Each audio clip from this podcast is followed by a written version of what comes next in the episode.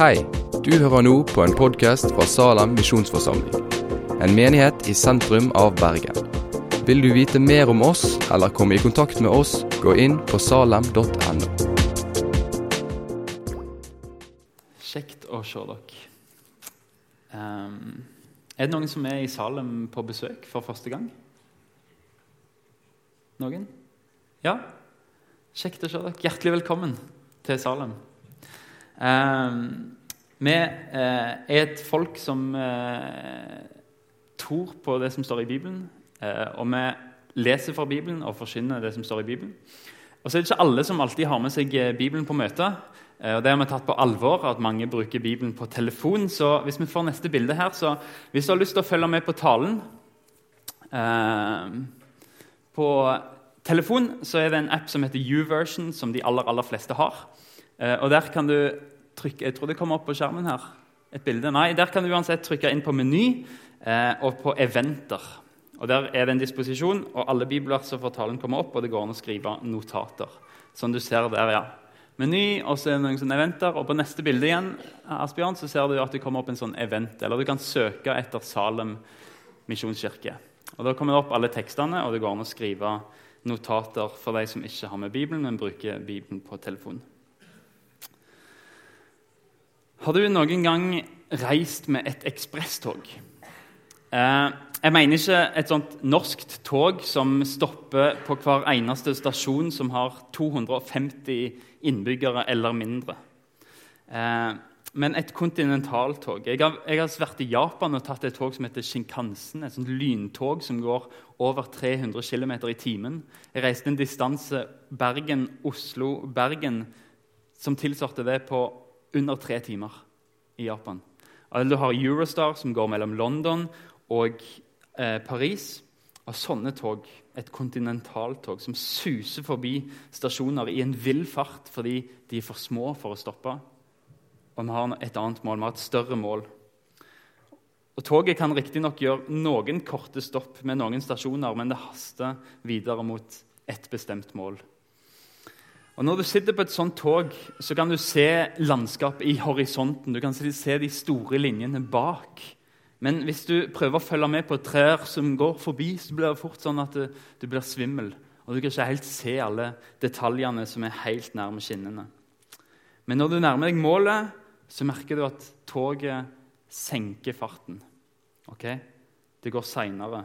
Det begynner å bremse opp. Og du kan plutselig begynne å studere detaljene i det forbigående litt mer. Og så går det stadig saktere og saktere og saktere helt til det stopper med stasjonen. Og da kan du gå av, og så kan du si at eh, 'nå har jeg tatt hele den reisen'. Vi skal komme litt tilbake til den togbildet. Vi skal lese søndagens tekst, og vi kan reise oss um, og lese det som er satt opp til søndagens tekst i kirkeåret. Det er fra Johannes kapittel 12. Dagen etter fikk den store folkemengden som var kommet til høytiden, høre at Jesus var på vei til Jerusalem. De tok palmegreiner og gikk ut for å møte ham, og de ropte, Hosianna, velsignet være Han som kommer i Herrens navn, Israels konge. Men Jesus fant et ungt esel og satte seg på det. Som det står skrevet, frykt ikke, Sions datter. Se, din konge kommer, sittende på en eselfole. Dette skjønte ikke disiplene hans fra først av. Men da Jesus var blitt herliggjort, da mintes de at dette var skrevet om ham, og at de hadde gjort dette for ham. Folkeskaren som hadde vært med ham da han kalte Lasarus ut av graven og reiste han opp fra de døde, vitnet om det. Dette var også grunnen til at folket gikk ham i møte, fordi de hadde hørt at han hadde gjort dette tegnet. Fariseerne sa da seg imellom.: Dere ser at det ikke oppnår noe. Se, all verden løper etter ham. Blant dem som pleide å dra opp for å tilby under høytiden, var det noen grekere. Disse kom da til Philip, som var i Betzaida i Galilea, og ba ham og sa, 'Herre, vi vil gjerne se Jesus.' Philip kommer og sier det til Andreas. Andreas og Philip går og sier det til Jesus. Men Jesus svarer dem og sier, 'Timen er kommet, da menneskesønnen skal bli herliggjort.' Sannelig, sannelig, jeg sier dere, hvis ikke hvetekornet faller i jorden og dør, blir det bare dette ene kornet. Men hvis det dør, bærer det mye frukt. Da kan dere få sette dere igjen. Timen er kommet, sier Jesus. Jesus snakker om en bestemt time i bestemt form entall. Akkurat som om alle i hele verden vet hva han snakker om. Hva menes egentlig med denne timen? For Jesus bruker faktisk det ordet flere ganger. Han bruker, han bruker faktisk begrepet for å beskrive hvorfor han er kommet til jord. Og Det er jo ganske interessant. Vi lever i et kristent land. Vi feirer jul, og vi feirer påske, og vi feirer pinse. Og grunnen til det er Jesus. Han har påvirka vår moralske tenkning på en måte som ingen annen filosof har greid. Denne Jesus, som altså har hatt så stor påvirkning, han har en forklaring til hvorfor han kom, jord, kom til jord. Han er kommet for en spesiell time, en spesiell grunn. Og Hvis vi skal kunne si noe om kristendommen, så må vi jo vitterlig aller først se hva er det hovedpersonen sier om denne troa. Hva er det Jesus sjøl sier om denne troen? Hva er, hva er grunnen til at Jesus kom til jord? Når han ble født i jul? Hva er, hva er grunnen til at vi feirer påske? Vi må se på hva Jesus sjøl sier. Ok, Så Jesus sier han er kommet for en grunn. Han beskriver det som timen. Og Hvis vi gjør et bibelsøk på det på Internett, går inn på bibelen.no og søker 'timen', så kommer det opp en del treff. Det første treffet er når Jesus er i et bryllup i Kana, en landsby i Israel. Og De har gått tomme for vin, og det er, det er krise. Men Maria, mor til Jesus, vet at Jesus er Gud, og han har makt til å gjøre noe med dette. Så går hun til Jesus og sier, sier han, 'Jesus, de er tomme for vin.' Og så svarer Jesus. Jesus sa til henne, 'Kvinne, hva vil du meg?' 'Min time er enda ikke kommet.' Jesus understreker hva? Ok, de har ikke mer vin, men jeg er ikke kommet for å gjøre sånne overfladiske under. Jeg er ikke kommet for å hjelpe i trivielle, ting, for å være en problemløser, for å være en go-to-man når det butter imot. Det er ikke derfor jeg er kommet. Han hjalp riktignok brudeparet den dagen, men, men han sa òg min time er ikke kommet. Det er ikke derfor. Jeg kommer ikke for å gjøre under. Neste søk vi gjør på timen, det er når Jesus snakker, og det er løvhyttefest i Jerusalem. Og Brødrene til Jesus lurer på skal ikke du reise opp til Jerusalem, Jesus. For Jesus bodde i Galilea. Og Jesus vet at jødenes ledere som er i Jerusalem, de er ikke noe glad i han. Og Egentlig så har de lyst til å drepe Jesus. Og Hvis han reiser til Jerusalem, så vil de kanskje knerte han. Og Han sier til brødrene sine nei, min time er ennå ikke kommet. Han sier med andre ord at de har noe imot meg, jødene. Eller de jødiske lederne. Vi har en teologisk uenighet. Jeg er ikke interessert i å gå til Jerusalem for å dø som en martyr for, for noe jeg har sagt. For noe som de er uenig med meg. Jeg skal ikke inn i Jerusalem og bli drept fordi at jeg helbreder mennesker på sabbaten. Det likte ikke jødene at Jesus gjorde. Jeg skal ikke opp der og bli drept fordi at jeg driver ut onde ånder, og de tror at jeg er en eller annen sånn svart magiker.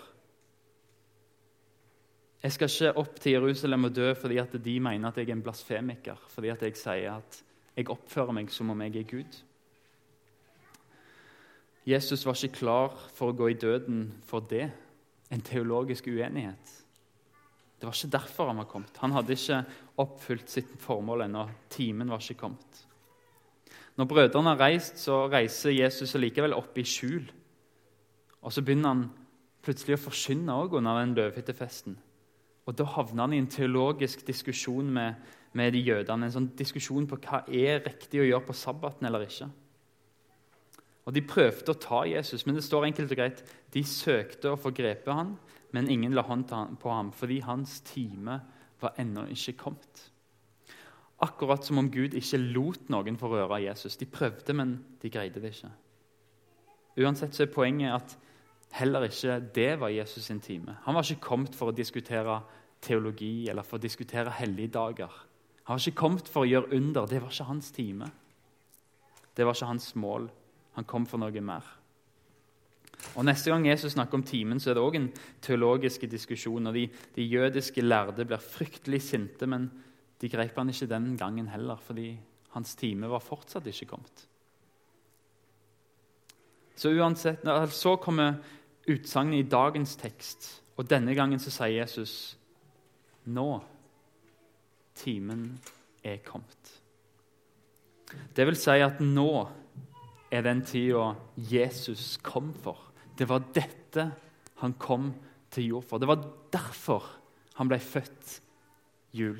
Det er derfor vi feirer jul. Nå er timen her. Nå er klimakset i hans historie. Det er nå det skal skje, det han skulle gjøre. Hans oppdrag.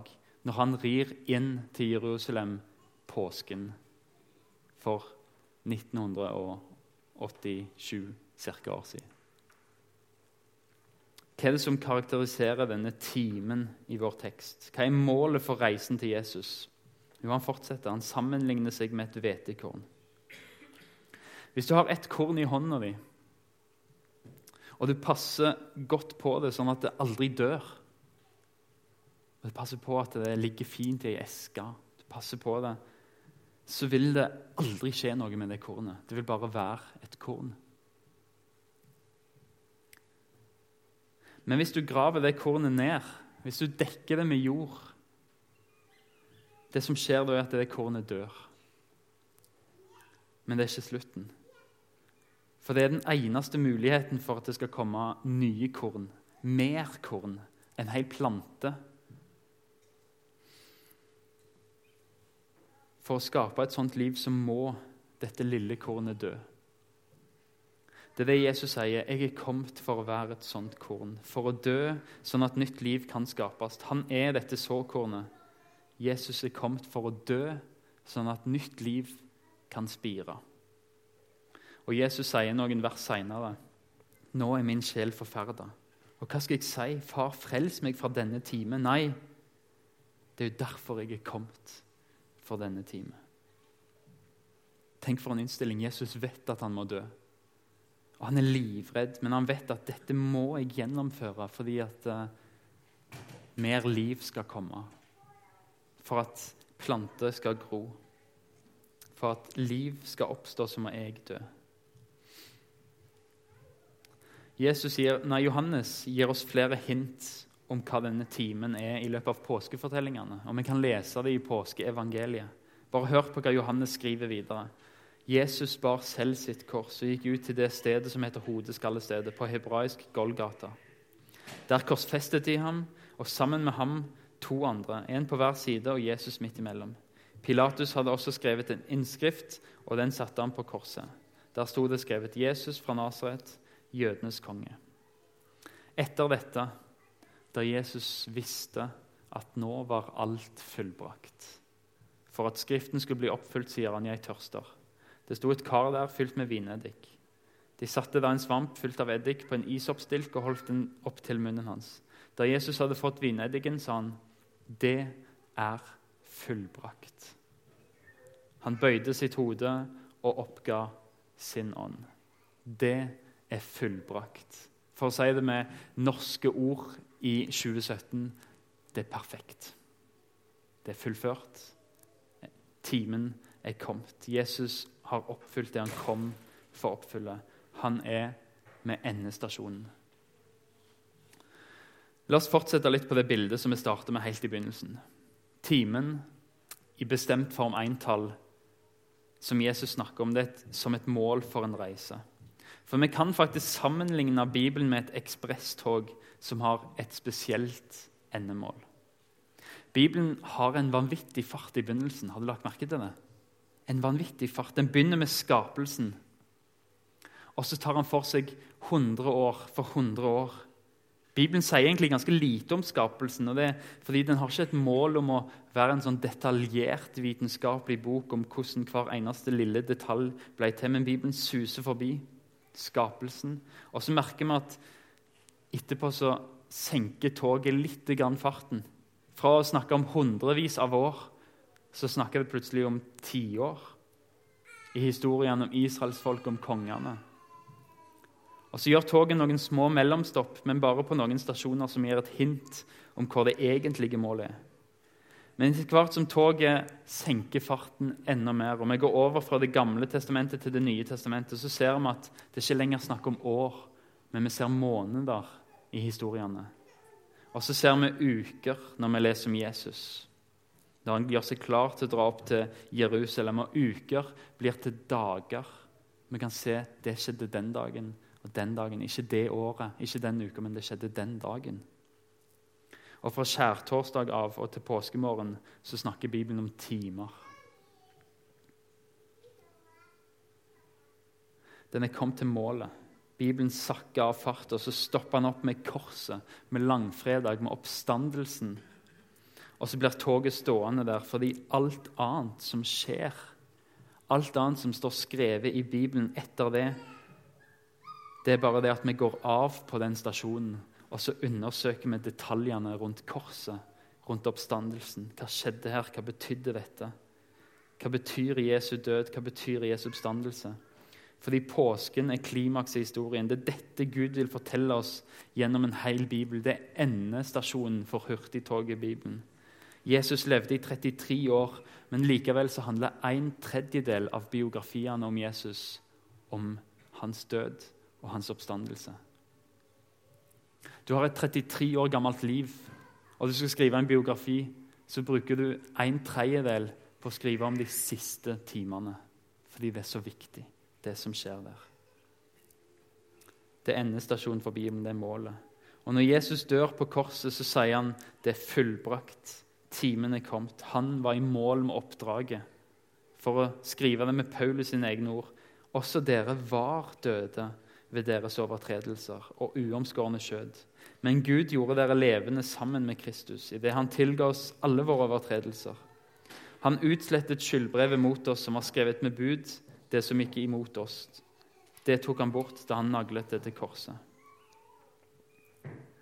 Jesus visste at hans død skulle være for at du kunne gå fri fra den straffen som du fortjener. Han var det såkornet som døde for at du skulle få liv. For at du skulle bli en plante som gror. Han utsletta din skyld ved å ta den på seg sjøl. Han betalte bota for alt det som du har gjort og tenkt galt. Har du tenkt over hvorfor himmelen er himmel? Himmelen er paradis fordi det er et rettferdig sted. Alt som skjer der, er bra. Men tenk et tankeeksperiment. Hvordan skaper du en himmel? Hvordan skaper du et rettferdig sted? For å skape en rettferdig og god himmel så må Gud utelukke urettferdighet og synd. For at det ikke skal være smerte i himmelen, så må Gud utelukke det som skaper smerte. For ingen skal grine i himmelen, så må Gud utelukke det som kan såre. For å si det kort, for å få en rettferdig himmel som er god, så kan syndere ikke slippe inn. Uten at Jesus får ta straffen for din synd, så kan du ikke bli kvitt den straffen. Uten at han får gjøre opp for deg, så kan du ikke få komme inn i en rettferdig og god himmel. Fordi du ville ødelegge han. Men hvis du vil ha tillit til Jesus og la han få ta din straff, da kan han sone alt for deg sånn at du blir ren. Han er såkornet som dør for at du skal få det evige livet. Da kan vi òg rope sånn som folkeskaren gjorde på palmesøndag. Hosianna Velsigna være Han som kommer i Herrens navn, Israels konge. Jesus som lar det bli lyst for oss. Han som tar alt vårt mørke på seg og går den mørke døden i møte. Han tar på seg all vår skam, vår skyld og vår synd, og så løfter han de opp på korset og sørger for at de blir betalt for, sont for. Hver minste løgn som du vil bekjenne, hver minste ting du ikke vet om. Alt. Han tar straffen for det. Og igjen så står vi skyldfrie og ser på korset. Så dyp en kjærlighet, en fars hengivenhet, utstilt på et kors. Hosianna, han er salva til å dø for folket sitt. Han vil bære bånd og lenke, så hans folk kan være fritt. Det var den timen Jesus kom for, for å dø for deg. Det var hele hans oppdrag. Det var hans endestasjon. Han kom ikke for å gjøre under.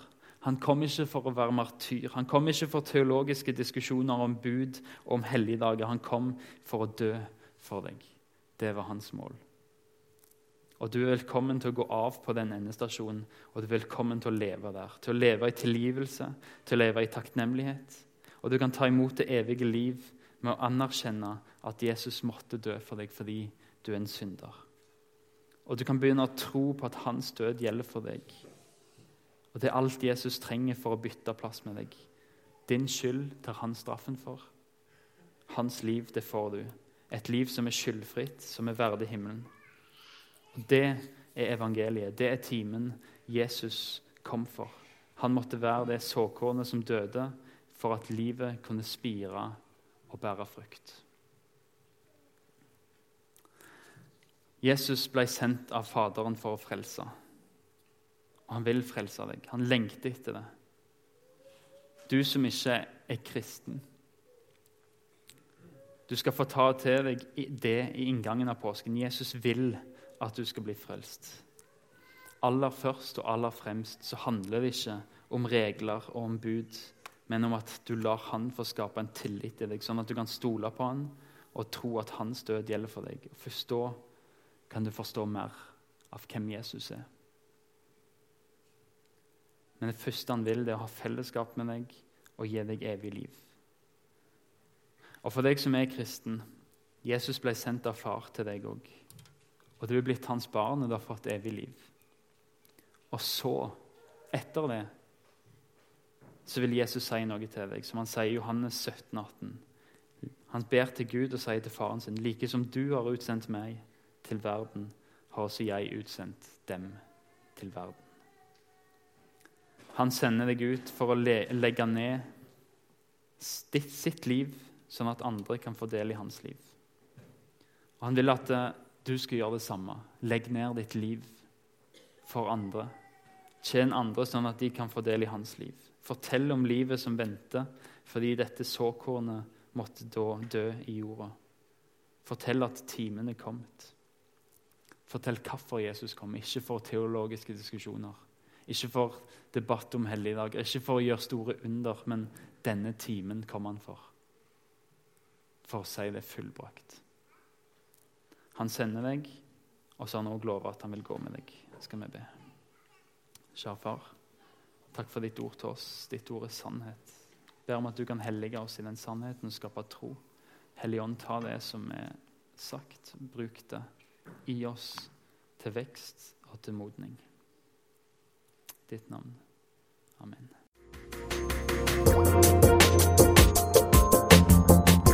Takk for at du har hørt på podkasten fra Salem, Bergen. I Salem vil vi vokse i et stadig dypere fellesskap med Gud og med hverandre. Vi vil være Jesu hender og føtter, og vi vil være med å forkynne frelse for Bergen og resten av verden. Besøk oss gjerne på salem.no om du vil vite mer.